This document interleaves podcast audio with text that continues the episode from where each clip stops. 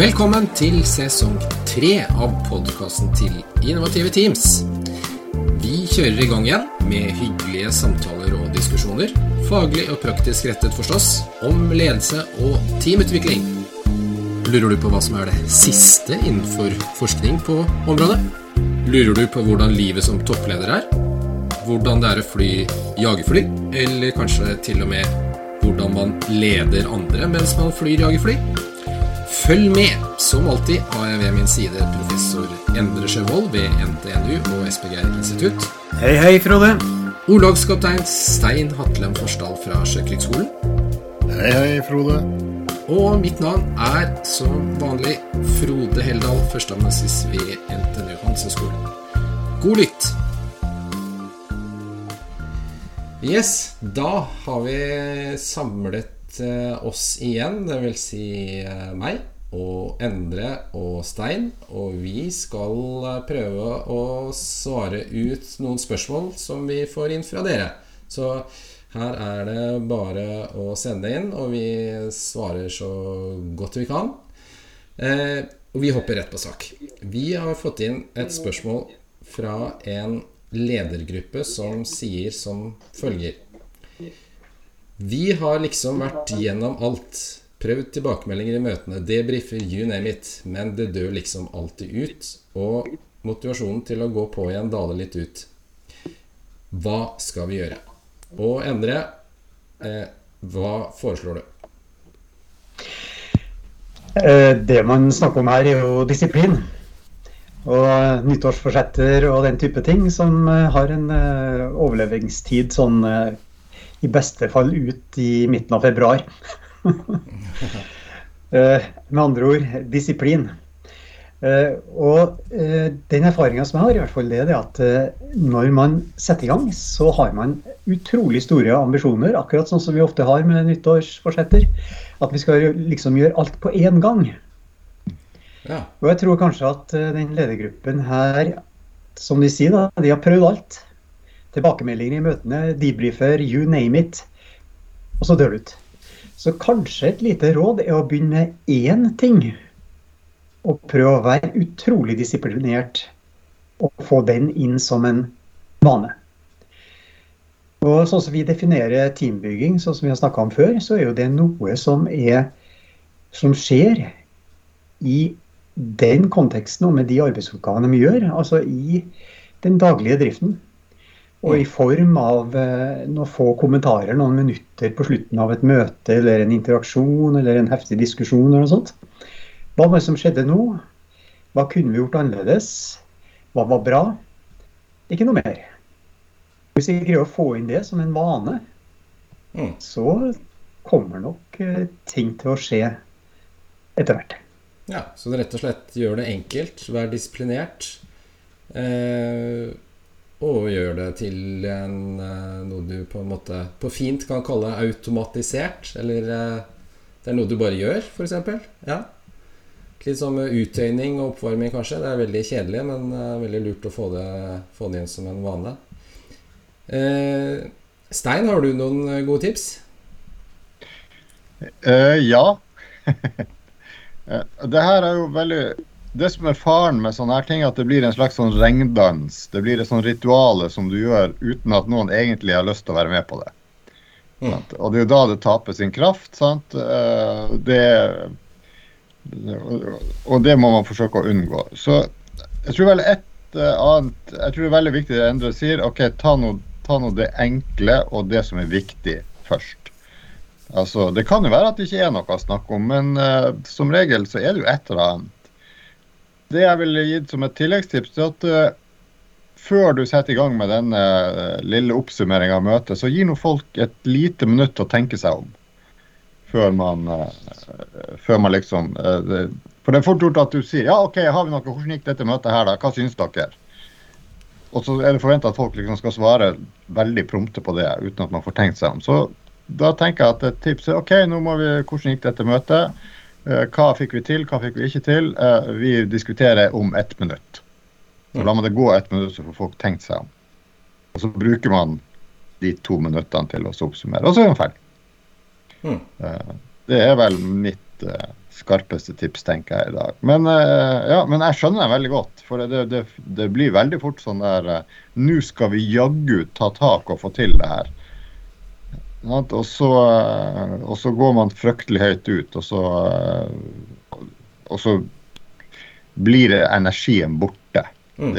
Så den her seige, langvarige vanen, det er den du gjerne vil få til. Mm. Og det tar ikke veldig lang tid å, å, å få inn sånne vaner. Det er sånn vaner, hva er det 14 dager man sier man da har, da blir det en sånn vane som på en måte er, er slitesterk. Mm. Uh, ja, men igjen, uh, gjør det uh, Ta det i små doser. Ja. ja så det er samla tips egentlig fra begge dere to. At det handler om disiplin og gjøre det enkelt og konkret. Men eh, Endre samtidig, da, hvis vi skal leke oss litt med dette som, som man gjerne føler litt på eh, motivasjon.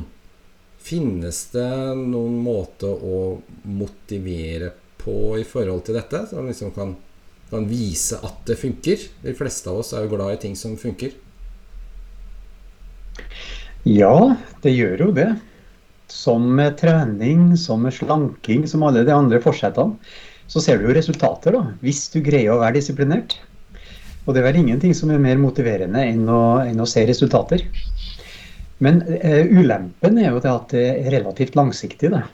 Du ser ikke resultater i gruppedynamikk før det har gått en stund. Det er jo akkurat sånn som uh, disse uh, nyttårsforsettene, enten det er slanking eller trening eller hva det er for noe. Altså, Du ser jo ingen umiddelbare effekter. Effektene kommer etter hvert. Men resultatene det er jo ingenting som er mer motiverende enn å se at det faktisk virker. Når du har gått ned tre kilo på tre måneder, OK, du verden herre var bra.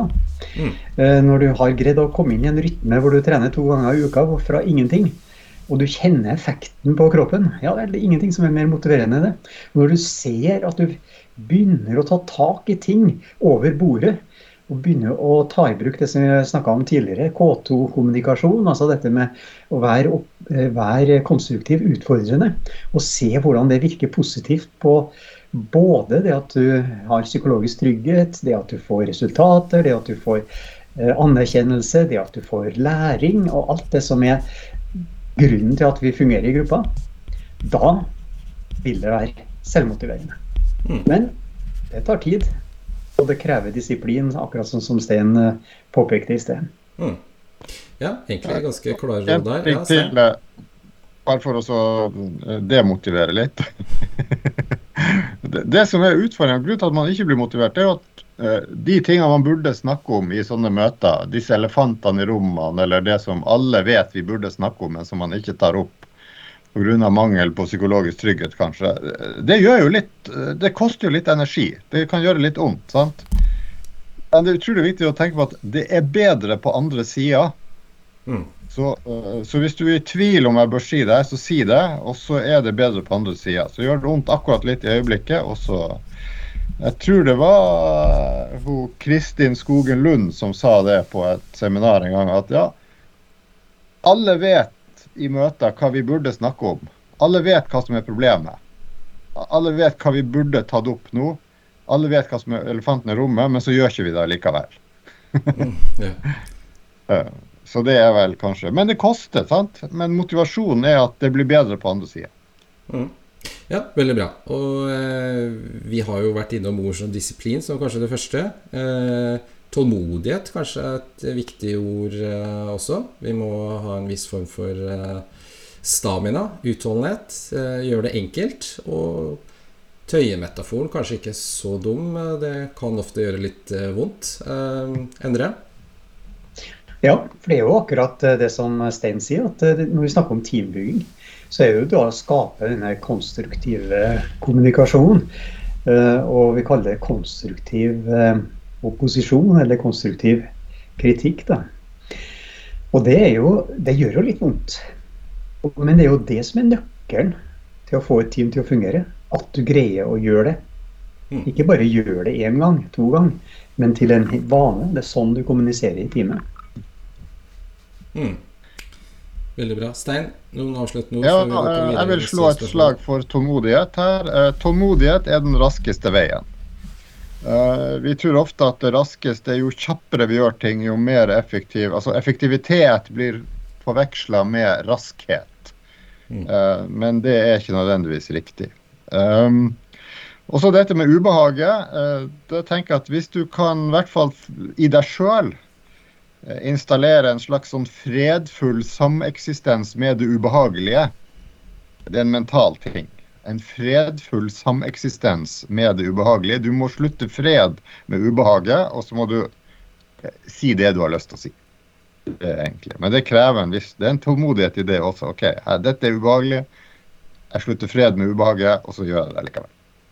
Ja, veldig bra. Slutt fred med ubehaget. Det tror jeg vi kan ta med oss eh, kanskje ellers i livet også, som eh, mye annet. Det kan du. Ja. Ok, supert.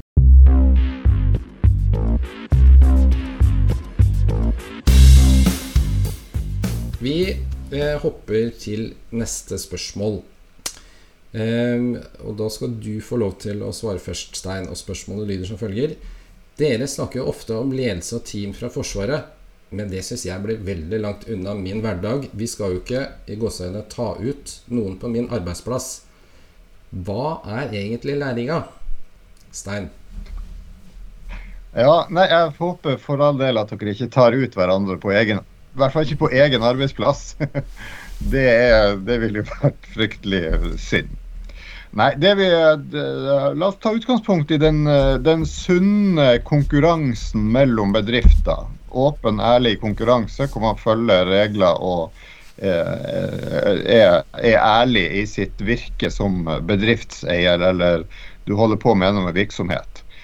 Så er det det å innse det er en konkurranse, det her. Så dem som er, overlever best, det er dem som er best tilpassa omgivelsene. Da er vi jo litt sånn, Det er litt sånn evolusjonstenking her. Men de bedriftene som overlever, de tilpasser seg raskest til omgivelsene og er fleksibel og kan møte kunders behov raskest. Så det er det jeg snakker om da i teamvirksomhet i Forsvaret. Vi overlever, vi vinner når vi tilpasser oss, er raskest, har mest initiativ. Så læringa for en bedrift er å tenke på samme måten, ikke at du, men at du skal vinne konkurransen eller overleve i et rimelig hektisk miljø. Og jeg tror Når du spør alle bedrifts uh, som jobber i en hvilken som helst bedrift, hvordan er hverdagen din, er det avslappa og rolig? Sitter dere bare og kundene renner inn av seg sjøl? Nei, de sier jo ikke det. De sier jo alltid nei, det er forferdelig hektisk, og det er så mye konkurranse, og det er slitsomt, og det er så mange som vil noe. Ja. Og det er der denne de effektive teamene, de vinner. Så vi skal snakke om å ta ut og bruke. og det er jo, det er jo, Jeg sliter litt med å gjøre det nå, fordi vi er i en kritisk situasjon med Ukraina og sånn. Mm. Men det er klart ukrainerne vinner nå fordi de er mer effektive. De, er, de gjør ting som overrasker russerne osv. Hvis vi skal overføre det til et som bedriftsperspektiv, så er det det. Ja, du må gjøre ting som overrasker kunden din positivt, da. og, mm. og overraske konkurrentene dine negativt. Og Det ser vi jo masse eksempler på sant, i, i bedrifter. Altså de som gjør, kommer med noe ny innovativ teknologi som de selger, eller noe sånt. Så mm. der har vi masse eksempler på det. Mm. Så det handler eh, Vi kan Det handler ikke om eh, For å si det litt overført tilbake, så handler det ikke om å ta ut for dere heller. Det handler om å være dynamisk, fleksibel, tilpasning. Eh, konkurranse ja. ofte ja. Det er absolutt det. Og da, det, da blir det at du tar ut dine konkurrenter, eller vinner over dine konkurrenter, det blir en effekt. Mm. Det blir en konsekvens av det gode arbeidet du gjør i teamet. Mm. Eh, og Endre, hvis vi, hvis vi, på en måte Hvis vi legger bort litt eh, det ta ut, da, som vi er enige om, eh, det, det holder vi litt utafor diskusjonen uansett. Men eh, Forsvaret, politi, Eh, andre operative bransjer hvor det du, det du gjør, på en måte er veldig synlig. Kanskje du er uh, ute i skogen, eller du Ja. Um, og så har du kontra oss, da, som jeg må si, bortsett fra Stein, som, som sitter på kontor, gjerne rundt et møtebord. Altså, hva, Går det an i det hele tatt å, å sammenligne med folk som er ute, da, kontra, kontra vi som sitter og diskuterer inne i et luftavkjølt uh, Eh, kontor med kaffe og te og kaker og det, det som hører til? Eh, jeg syns jo egentlig Sten svarte godt på akkurat det spørsmålet også. Eh, men så er det jo sånn at eh, de, disse kakespisende kontorrottene som vi er, de, de, det er jo litt forskjell på, på hva vi opplever. Og det, er jo greit å roe ned noen gang, og det kan være faktisk det mest effektive også. At du ikke er så veldig dynamisk. Eh, hvis du har en stabil kontekst, du har klare arbeidsoppgaver, og det er nokså utvetydig det du skal gjøre, og det her er administrert av eh, ja, nokså strukturert eh, kontekst, styringssystemer, rapporteringsverktøy, en koordinerende sterk ledelse osv., osv., så, videre, så er det jo ikke noe så poeng å ha noe sånn voldsom teambygging eller noe voldsom dynamikk. Men det er jo akkurat de tingene hvor det plutselig oppstår noe uforutsett. Eller at det er faktisk din funksjon eh, for å være en, f.eks. en eh, strategisk ledergruppe, hvor du hele tida skal være på hogget. Du skal være klar over hva som skjer ute. Du skal være på konkurrentene, ikke la deg overraske, sånn som Sten eh, påpekte. Og vite med en gang hva du skal gjøre for å overraske de andre. Være i forkant. Og der er jo litteraturen full av eksempler på bedrifter som har blitt overkjørt. Mm som, har, som har trodd på sin egen fortreffelighet og sin, sine unike produkter. Og jeg så en annonse i, i Teknisk Ukeblad i dag. Eh, det er noe som heter Remarkable. Det er et eh, norsk firma som har laga en sånn eh, nydelig liten tablet som du skriver på. Og har designmessig, etter min oppfatning i hvert fall, vært Det har konsentrert seg veldig sånn spissa. Nå så jeg at de, de ble utfordra av Huawei, og jeg så den prototypen eller den som ble lansert, den er jo dønn lik. Og så har den noe ekstra. Mm. Så jeg er spent på hva de møter den med, om det kom overraskende på. Men poenget er jo at de som sitter i en sånn uh, toppledergruppe på divisjonsnivå, i hvert fall som har strategisk ansvar, da, de, de må på en måte være ute hele tida.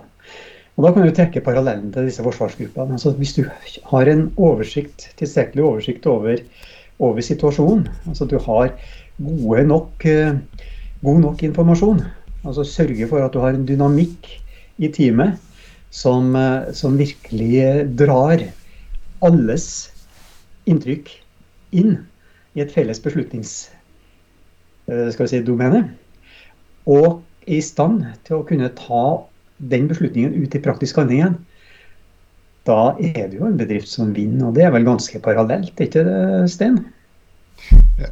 Jo, og det passer meg. For det, da vil jeg gå tilbake til eh, spørsmål én vi behandla, denne ledergruppa.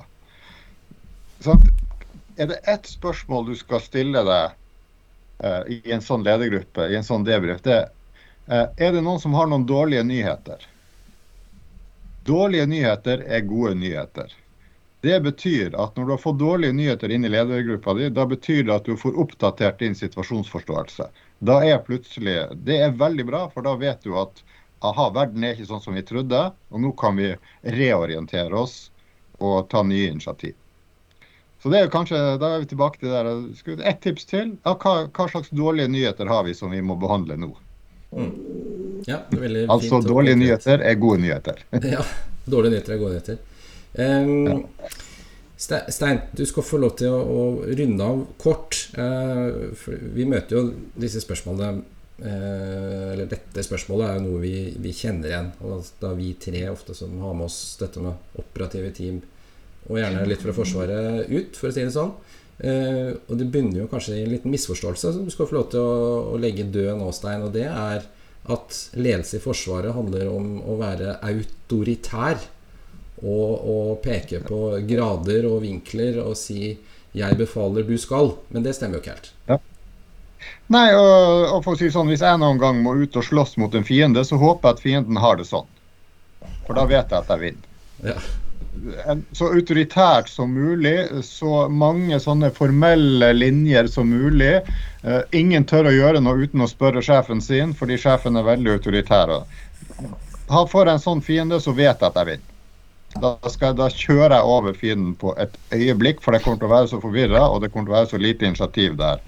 At mens jeg har folk som tar masse initiativ, tar ledelse sjøl og gjør ting som overrasker.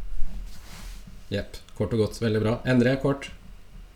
Ja, det er jo bare å føye på. Det er akkurat det som er en strategisk vinner. Jeg satt og roa ned i går kveld med to bøker. Den ene heter 'In Search of Stupidity', og den andre heter 'Big Business Blunders'. Det er relativt gammel litteratur, men det er ganske fornøyelig. Den, begge disse bøkene tar opp, tar opp, nettopp bedrifter som har trodd at de nå hadde nådd målet for eternity. Så evig, evig liv. Og blir overraska på alle bøder og kanter. Uh, av ikke Ja. Så, så, dette er det, det Stein sa der, det er direkte overførbart. Ja, kort og godt. Veldig bra. Før vi går videre på neste spørsmål, så jeg bare, Du nevnte Remarkable, Endre. De står jo i en ny fase nå, men de gjorde jo noe som var litt, som jeg syns var genialt i sin tid. Det er jo relativt gammel teknologi som ikke, ikke har f.eks. mulighet til mail eller farger eller sånne ting. Men det snudde de jo i sin tid til noe som var en, eh, en fordel. Du, du, isolerer deg helt. Du slipper å, å, få meldinger. Du slipper å få mail. Det syns jeg var genialt. Fin måte å, snu den på. Okay, Ja, det var vel litt av det Det var vel litt av det som vi snakka om i, eh, for det første spørsmålet om ledergruppa. Eh, at du må fjerne distraksjoner. ikke sant? Mm, ja. Og det, det, er jo helt riktig. Jo. Vi, jo, vi må jo innrømme at når vi sitter på, på PC-en her og så får du en pling et eller annet sted, så uansett hvor stålsatt du er, så drar det oppmerksomheten din bort. Definitivt.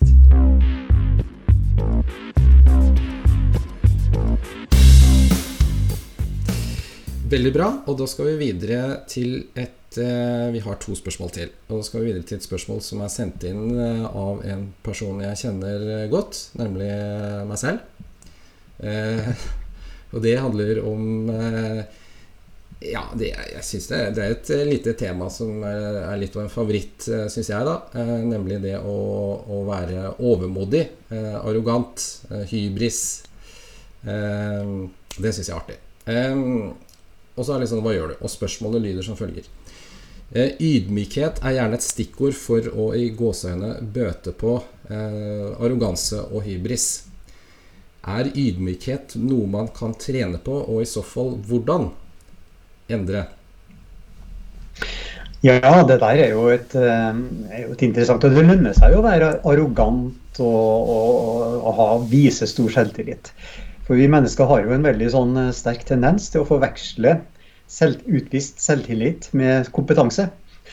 Så det, du når fram, du får forfremmelse, du får uh, bli hørt på. ikke sant? Så det er lønnsomt. Og det som lønner seg, det vi får belønning for, har vi en tendens til å gjøre mer av. Så spørsmålet det, som du fikk inn her, er jo ganske interessant. Og svaret har han jo sagt, han eller hun. Ydmykhet er jo svaret, da. Eh, og det var interessant, Jeg leste en sånn eh, på eh, en som heter Schwartz, en artikkel han hadde skrevet om hva er det som er viktig i ledertrening. Og Hans konklusjon da, på den var jo nettopp det at du må trene dine medarbeidere til å ta tak i det. Riste det, stille spørsmål.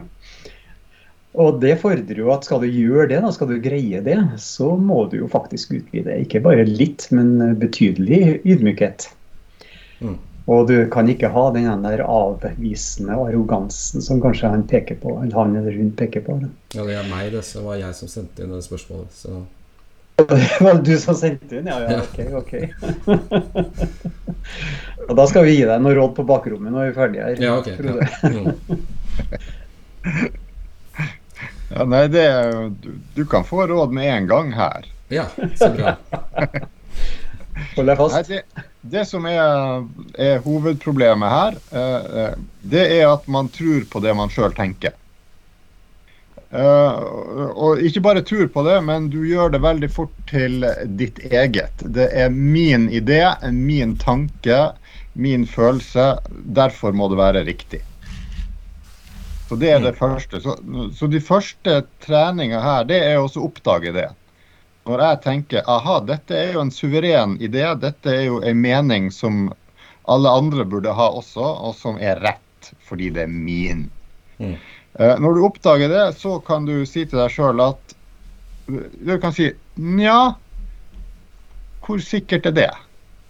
Eller rett og slett eh, prøve å motbevise deg sjøl. Og det er ikke lett, for da kommer den eh, komiteen i hjernen din til å si at nei, nei, nei, nei, nei, dette er bra greier. Dette må du ikke gi slipp på. Så eh, det å tenke en, om enhver tanke, det er, trenger ikke å være sant. Trenger ikke å være sikkert. Eh, det er usikkert. Det er ustabilt. Det kommer til å bli erstatta av en ny tanke. Så det er første steget uh, mm. til å tenke at dette kan bare være fjas. 90% av det som dukker opp i hodet vårt, er tullball og fjas og usammenhengende.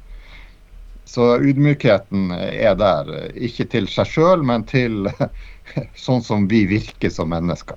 Mm. Så begynn der, Frode. Ja.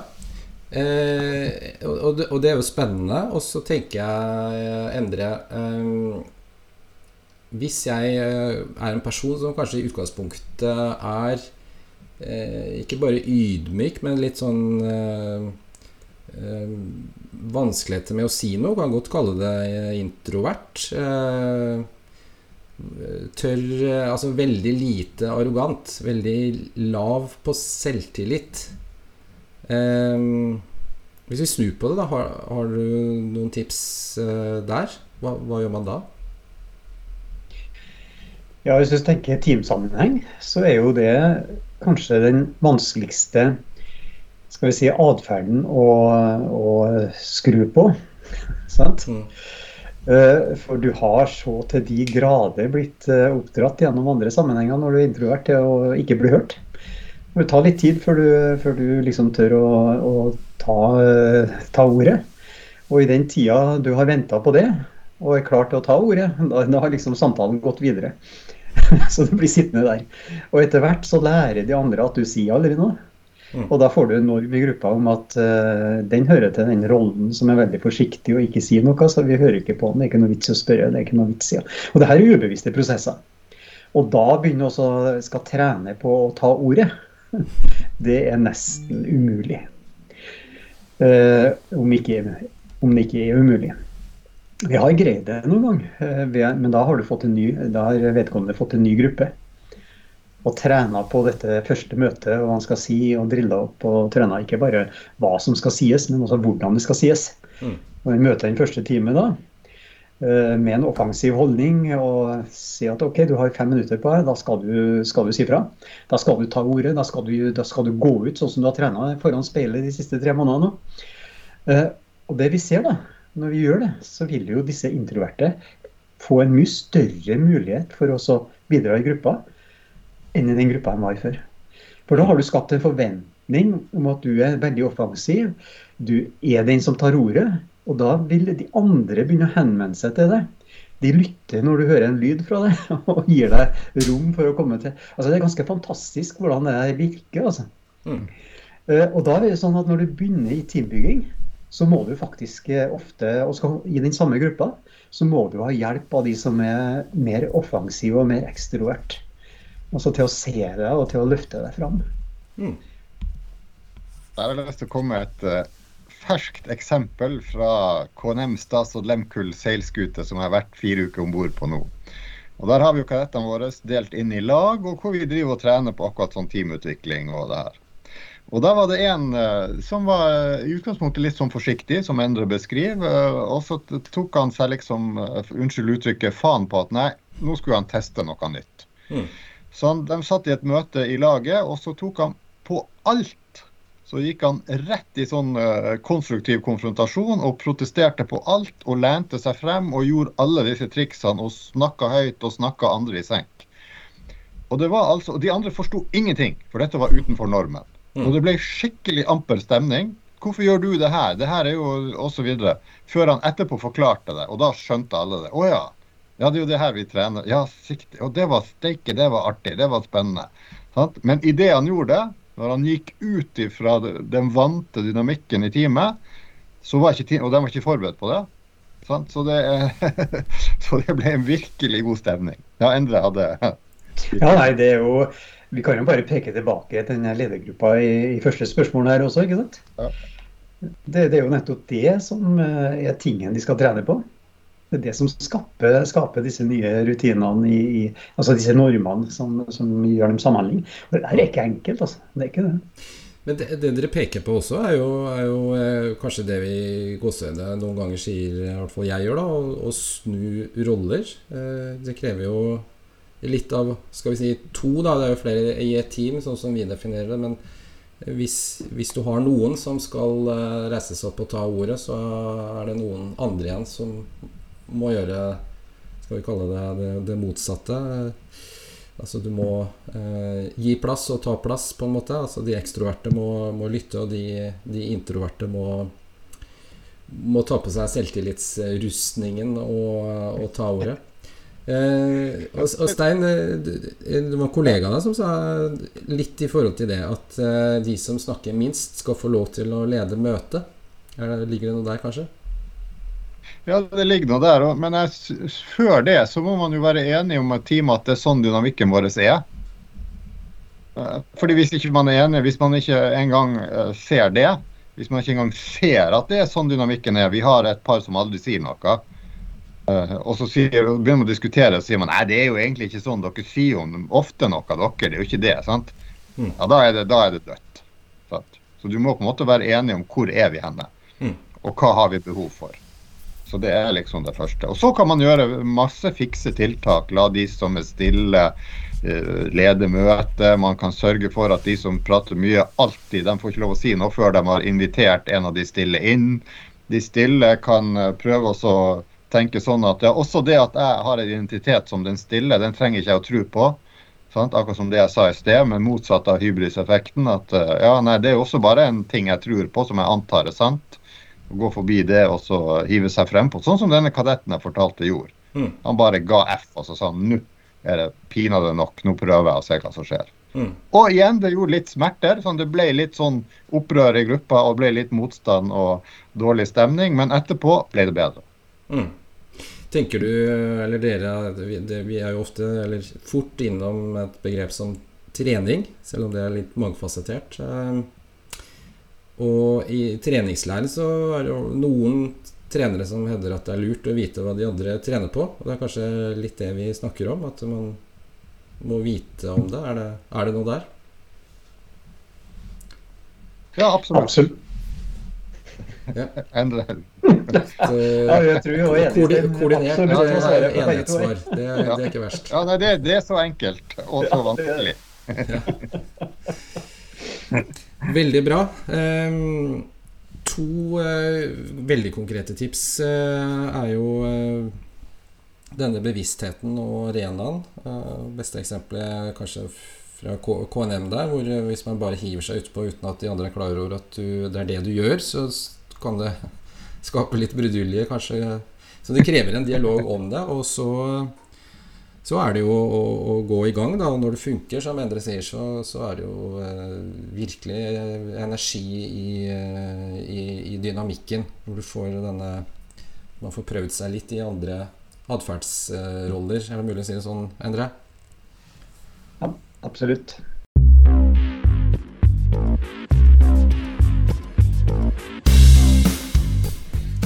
Bra. Da tar vi siste spørsmål. Um, og det her er jo fra um, Det kan vi si, det er fra offentlig sektor. Um, men det er jo veldig reelt også i, i, i, andre bransjer, om det er militære eller andre private settinger. Eh, og det handler om autonome team, eh, som jo på en måte er definert av ganske mange som, som bra. Men så er det dette med litt av den vanskelige overgangen, da. Og spørsmålet lyder som følger. Vi ønsker å gå over til autonome team, liksom hørt at det er bra. Men mellomlederne rasler litt med sablene. Hva er en god framgangsmåte? Er det andre ting vi må passe på? Eh, og da tror jeg vi begynner med deg, Endre. Eh, hva skal vi si til eh, denne innsenderen? Ja. Eh, hvis spørsmålet er ordrett sånn som det ble meldt inn, så vil jeg nok si vi ønsker å gå over til autonome team, liksom hørt det er bra. og be om en sånn Hva ligger i det? Eh, og det er vel kanskje hvis det er sånn at man har hørt at det er bra, uten å ha en refleksjon om hvordan det henger sammen med vår strategi, markedsposisjon, hva vi skal oppnå og hva som ligger innafor eh, neste periodes eh, skal vi si, resultatoppnåelse, da er det kanskje sunt at det er noen mellomledere som begynner å rasle med sablene. For eh, er det noe som særtegner endringsprosesser som går gærent, så er det nettopp det at eh, folk ikke forstår hva nytten eller gevinsten av dette er for organisasjonen, eller faktisk for den enkelte. Og vet du ikke det sjøl engang, så du har bare hørt at det er bra, eh, da, da har du nok et problem, og da bør du gå tilbake og gjøre en runde til. Mm. Uh, og så er det jo sånn at uh, autonome team, hvorfor skal vi ha det, da? Det er jo ikke sikkert at det er så innmari bra. I en, uh, som vi nevnte tidligere under et av de andre spørsmålene her, så er jo det hvis det er en veldig stabilt kontekst, forutsigbare oppgaver, det er, det er nokså delbart alt sammen, og det koordineres over gode rutiner og prosedyrer og sånne ting, da er det ikke effektivt med autonome team. Sant? Mm. Og det er ikke sånn at de ikke jobber autonomt. De sitter jo og jobber hver for seg ikke sant, i sånne team med sine oppgaver og sånt. Eh, men det strukturen rundt sørger jo for at dette blir koordinert, og det er veldig sterk koordinering. Så når vi gjerne snakker om sånne autonome team, så er det jo kanskje det man kalte tidligere lederløse team, eller selvstyrte team. Eh, og det er noe annet. Da er jeg inne på noe av det som, som Stein tok opp tidligere i dag. Eh, nemlig du er overfor en veldig uforutsigbar situasjon. Eh, alt er ganske komplekst, kanskje kaotisk. Og du trenger alles bidrag inn for å både én forstå hva vi står overfor, og punkt to for å gi en, en fokusert uh, tilslag på, på det, som, det, som, vi står overfor. Altså møte det på en, på en fokusert og slagkraftig måte. Da er autonome team viktig. Da vil også strukturer og gode prosedyrer og sånn kanskje være en direkte hemsko for å gå nye, få noen nye resultater. Og Det var det som eh, du så godt eh, belyste i sted, eh, Sten. Hadde du en fiende som var kommandostyrt og veldig autoritær, og du må spørre sjefen om hva du får lov til, så er jo det ikke noe autonomt team. Og da, hvis du har en en veldig forutsigbar konkurrent i et marked, og du greier å overraske med et produkt, en ny måte å selge en tjeneste på, en ny måte å markedsføre på, ok, så vinner du jo. Mm. Og da er det sånn, igjen da, hvor hører disse autonome teamene? Ja, utviklingsteam, strategiske ledergrupper, altså you name it. Der hvor det står overfor uforutsigbarhet og noe nyskapende, noe innovativt, der har de sin rett men kanskje ikke i ren forvaltning. Mm. Ja, så du må rett og slett eh, Den, den hvorforen er liksom alfa og omega.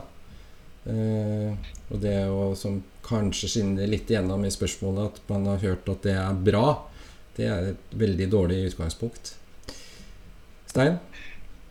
Ja, jeg fikk når jeg leste det her, så fikk jeg jo egentlig ti sånne motspørsmål med en gang. Mm. Og det ene var ja, hva er dere holder på med? Det er nå én ting, men hva mener dere med autonome team? Jeg vet ikke hva vi snakker om her når vi snakker om autonome team. Jeg har hørt Endre har i hvert fall to forskjellige definisjoner av det her. Eh, så man må bli enige om hva er det egentlig vi mener med det. Er det et team som surrer rundt for seg sjøl og, eh, og, gjør akkurat det som passer dem? Er det forskningsteam, eller er det bare grupper som skal ikke trenger en formell leder? Eh, det, skal de være frikobla av mellomlederne? Skal ikke de kontrollere noe? Eh, hva er det egentlig vi snakker om her? Og Det tror jeg vel kanskje skinner litt gjennom spørsmålet her, at vi har liksom hørt at det er bra. At de, det, det er måten vi kanskje kan unngå friksjon på arbeidsplassen vår. Vi lager autonome team, så ser vi om, om livet vårt blir bedre. Mm. Nei, det blir ikke det. Dere kommer til å ha akkurat samme friksjon som før. Det er en del av det å være sammen med andre mennesker. Så det er ikke sikkert det løser. Så hvis ikke det skal løse et spesifikt problem som dere kanskje har tenkt ut, så tror jeg vel jeg venter litt med det. Men, hvis det, men, men altså, team som Det er viktig at alle forstår hva er jobben vår, og hva er det egentlig vi har tenkt å oppnå her. Så ta den diskusjonen først. Mm. Hva de tenker, og Da blir det, kommer autonomien litt av seg sjøl. Hvis alle skjønner hensikten med det, vi, med det vi skal oppnå, så kommer det masse positive initiativ. Eh, og da kommer autonomien derfra. Eh, men eh, hvis man vil bruke autonome team til at flere skal engasjere seg i ledelsesprosessen, flere skal på en måte diskutere, så er det en veldig god ting. Det burde man jo alltid gjøre. Men det er litt sånn, vi kommer kanskje med flere spørsmål tilbake til denne personen som Ja. og mellomlederne rasler med sablene. Jeg kan jo se det for meg, nå bare spekulerer jeg. De sitter her. Hva, autonome, hva, hva skal jeg gjøre da, som er mellomleder? Skal ikke jeg få lov til å bestemme lenger? Skal ikke jeg ha mine maktprivilegier hvis det er det man er opptatt av? Skal ikke jeg få være med på det som skjer lenger? Sant? Hva, hva skjer med jobben min? Altså, det er jo masse Ja. greier her. Så, Ja. Skal vi kutte alle mellomlederne, er det det de snakker om? Da kan jeg jo skjønne at det blir dårlig stemning. Ja, altså vi, vi står overfor et spørsmål som skriker etter eh, kontekst. Men, men uansett så er jo eh, Og det kan vel gjelde egentlig i, i mange andre settinger òg, men du må, du må ha et hvorfor. Og, og den hvorforen mm. er det ikke bare du som skal finne ut, men det er dere som skal finne ut sammen.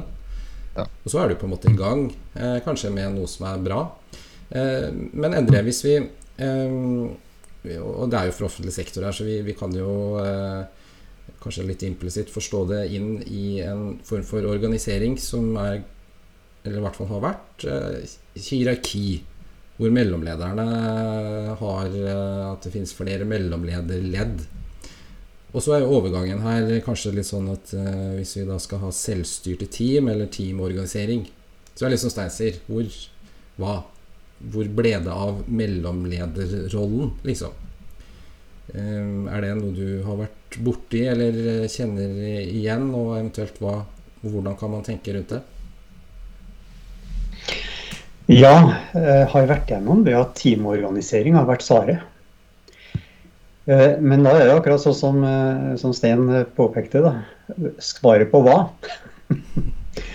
altså, mm. og det er vel alltid smart å, å tenke, tenke på det. Eh, Jeg husker eh, det var her var på tilbake i 90-tallet en gang. Det var en produksjonsbedrift som hadde stor internasjonal suksess. Og de var organisert eh, etter klassisk sånn scientific management, altså sånn lean, som det heter i dag. da. Hvor hver enkelt hadde sin arbeidsposisjon, og de snakka med hverandre langs denne produksjonslinjen, men that's it. Man satt sammen med sine kolleger og gjorde det samme. Hvis jeg produserte ja, stoler, rett og slett. Og noen satte sammen eh, de tingene, noen dro på trekket, og det var det de gjorde. Og så var jo ideen at eh, her eh, burde man få en variasjon i, i sin arbeidssituasjon. Altså vil si at man rullerte på, på disse prosessene. Så når du var vant med å stå hele dagen og dra på og trekke på stolen, så gjorde du noe annet fra klokka tolv. ikke sant? Eh, Og da organiserte man disse i team, sånn at det var mer sånn eh, rundt disse, disse produktene, mer enn eh, disse tilfeldige sammensatt på én stasjon på samlebåndet. Det var, ikke, det var ikke direkte samlebånd, men eh, vi kan bruke den analogien. Og det ble kjempeopprør og sykemeldinger hele veien. Det var en katastrofe. Eh, Og hva var bakgrunnen? Jo, vi er jo på jobb. Og noen faktisk eh, er på jobb pga. det sosiale fellesskapet som lå rundt den arbeidsstasjonen de var på. Eh, Og jobben og hva man gjorde, det var underordna akkurat det sosiale miljøet og den lønnsposen man fikk da. Mm. Det var en god trivsel på arbeidsplassen som da brått ble ødelagt. Plutselig skulle du jobbe med andre oppgaver som du følte som du ikke hadde under huden, sammen med andre folk som du kanskje ikke hadde helt uh, god kjemi med. Altså, det her var en katastrofe. Mm. Så man gikk tilbake igjen. Ja. ja, rett og slett. Eh, det er jo kanskje sånn vi, vi mennesker er, da. Vi, det er no, noe vi trives med, og det har en tendens til, å, til at vi vil fortsette med det vi, vi, trives med. Eh, Stein, eh, dette med autonome team er det liksom buzzword, selv om det har vært med oss lenge. Men eh, Spotify har jo en sånn veldig spennende organisasjonsstruktur, sier seg selv. da eh, Og det er autonome team, kort og godt, med tribes og squads og litt sånn fancy ord. Eh, så leste jeg en artikkel som hvor ganske mange sider skryter av denne måten å gjøre det på. Og så blir den avslutta med eh, 'Ikke gjør som Spotify'.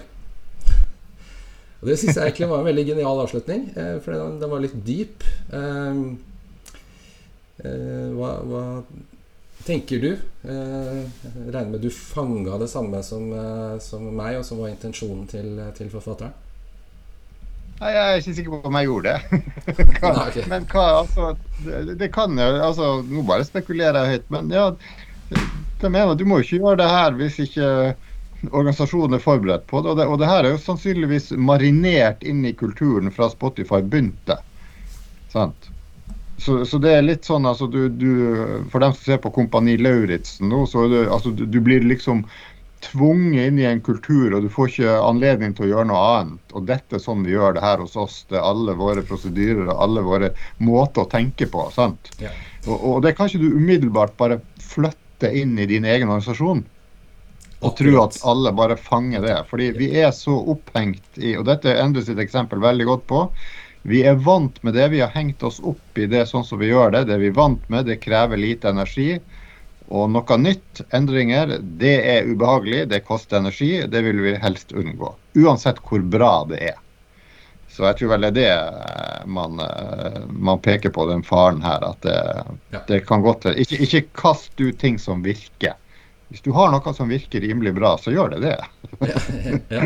Nei, og det var sånn jeg leste det også. Og det er, ja. er jo litt uh, artig å tenke på at det ikke ofte fagnerder som meg leser det, men også ledere. Og finner Oi, dette var kult, det her må vi gjøre. Vi, så blir det litt sånn. Og, og, og da, da, vil jeg bare påpeke en ting som jeg sier veldig ofte. det at Husk på, det kan være flere enn én riktig løsning på et problem. Sant? Og Det gjelder også organisering, autonome team, squads, uh, whatever du kaller det, lean. Så kan godt hende at det, begge deler kan passe like bra. Så etter mm. vår søken etter det helt fantastisk perfekte og optimale, så kan vi ødelegge det alle gode vi har. Mm. Uh, så, så, ikke vær bekymra. Uh, ja, det kan godt hende at det er elementer av disse autonome teamene du skal introdusere litt sakte, men sikkert. Sant? Så lenge virksomheten går rimelig, og nå snakker jeg ikke om sånne store omveltninger, når det går rimelig forover og vi har rimelig oversikt og kontroll og friksjon er håndterbar, ja, så vær forsiktig med de helt store omveltningene. Men gradvise tilpasninger er jo ofte lurt. Og nye ideer igjen. Dårlig nytt er godt nytt. sant? Du ser mm. dette her virker jo ikke. Ja, da må du gjøre noe. ja. ja. veldig bra. Det er en slags eh, hale, hale, til hodet, eller runding av eh, praten, kanskje. Vi er litt tilbake til kanskje det vi begynte med, eh, hvis vi etablerer et hvorfor, så er det lettere å ta kjedelig uttøying også. Og den hvorforen, den må, den må dere gjøre sammen. Det er ikke noe man får eh, ja. beskjed om å være motivert til å gjøre. Der det, vil jeg henvise til Astrid Lindgrens 'Ronja røverdatter'. Der var det en gjeng som het Kofferne. Sånne små dyr som var ja. kofferne. Og de spurte hvorfor det, da? Hvorfor det, da? Hvorfor det, da? Hvorfor det, da? Og det tenker jeg er en god ting. Spør i hvert fall tre-fire sånne hvorfor før du gir deg. Da er du på samme spørsmålet, så Veldig bra. Det er krevende. Okay. Det, det, er krevende, det er ikke minst. Ja. Eh, som første spørsmålet er, er, innom. Det må litt innsats til. Eh, bra. Da har vi vært igjennom eh, fire spørsmål. Vi har noen på laget, men eh, de som hører på, er bare å, å sende inn. Så diskuterer vi oss igjennom det, det setter vi veldig pris på. Så skal vi begynne å avrunde. Jeg tenker vi gjør det sånn som vi pleier, og det med litt bevingete og forhåpentligvis ikke svulstige, men gode tips, triks, eh, ord. Endre, har du noen eh, eh innspill, utspill av den, eh, det slaget? Knytta til de spørsmålene som har kommet i dag, tenker du? Ja, nei, det er jo eh, sånn som en ber om en fremgangsmåte. Det berørte vi jo ikke, den siste innsenderen.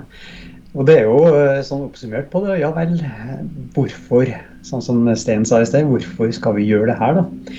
Og hvis vi finner ut at ja vel, hvorfor finner et positivt svar på det hvorfor, så går det an å spørre en gang til.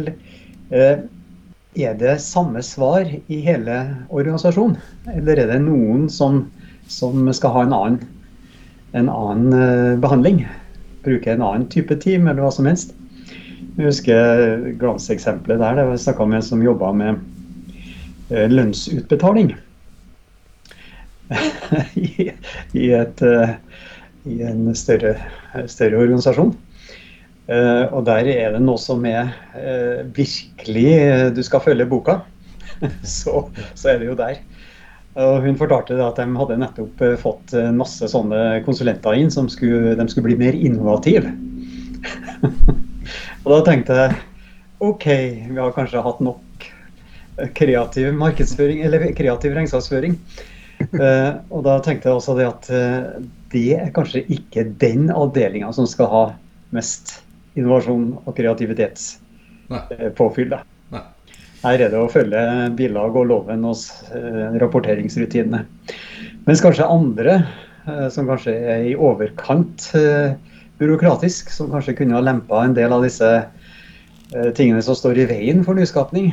De kunne kanskje hatt mer nytte av den type ting. Så det er sånn hvorfor, og det andre OK, eh, hvordan for hvem? Mm. Og så kan du gå med på det, eh, på det, siste. Hva må vi da passe på for de ulike? Ja. Så, så noen fine spørreord der, og gi en sekvens. Hvorfor, hvordan, for hvem, før du kommer til hva. Ja. Veldig bra. Det var en bra oppsummering. Takk. Stein? Siste bevingede ja. ord. Det bevingede ord eh, Du må ikke ha alle svarene før du prøver noe. Det er mitt bevingede ord. Fordi det blir fort gjort nå at det blir sånn ja, vi må ha mange hvorfor, og vi må tenke ut alt på forhånd, alt må være helt klart.